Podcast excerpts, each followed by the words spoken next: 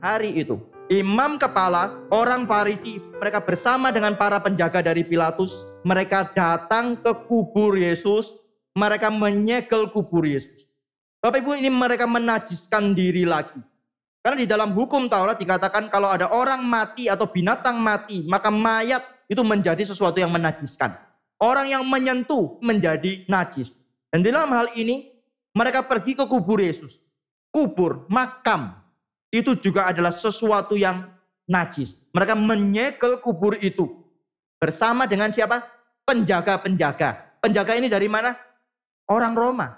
Ini ada tentara-tentara Roma yang diberikan oleh Pilatus untuk menyegel dan kemudian menjaga makam itu. Maka lihat ya, imam kepala orang Farisi bersekutu. Sekali lagi, bersekutu dengan orang-orang yang kafir ini, kemudian mereka menajiskan diri dengan pergi ke makam Yesus pada hari Sabat. Demi apa? Demi memastikan Yesus tidak bangkit. Untuk memastikan bahwa Yesus itu tidak bangkit.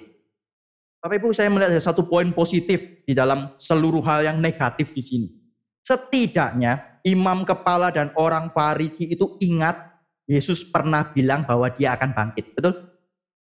12 muridnya ke mana? Yudas sudah nggak ada ya. 11 muridnya ingat atau tidak kira-kira?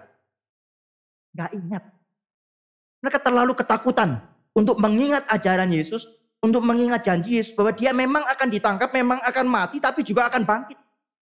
11 murid, tiga tahun lebih ikut Yesus, dengar langsung dari Yesus. Yesus sudah mengatakan berkali-kali bahwa dia memang betul akan mati, tapi dia juga akan bangkit pada hari ketiga. Dan sebelas murid itu lupa sama sekali karena mereka begitu ketakutan.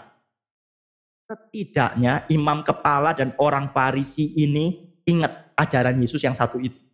Ada poin positifnya ya. Tapi di sisi yang lain Bapak Ibu tahu. Yang mereka takutkan. Ketakutan terbesar dari imam kepala, dari orang-orang Farisi. Ancaman terbesar bagi mereka adalah kebangkitan. Kalau Yesus tidak bangkit, selesai. Kalau mereka bisa jaga kubur itu tiga hari dan Yesus tidak bangkit, selesai. Mereka menang. Tidak akan ada lagi penyesatan. Lihat ya, mereka cuma perlu memastikan sampai hari ketiga Yesus tidak bangkit. Dan ini memberitahu kepada kita betapa pentingnya kebangkitan. Kebangkitan Kristus itu adalah ancaman terbesar bagi para musuhnya. Karena kebangkitan Kristus itu menyatakan kemenangan terbesar.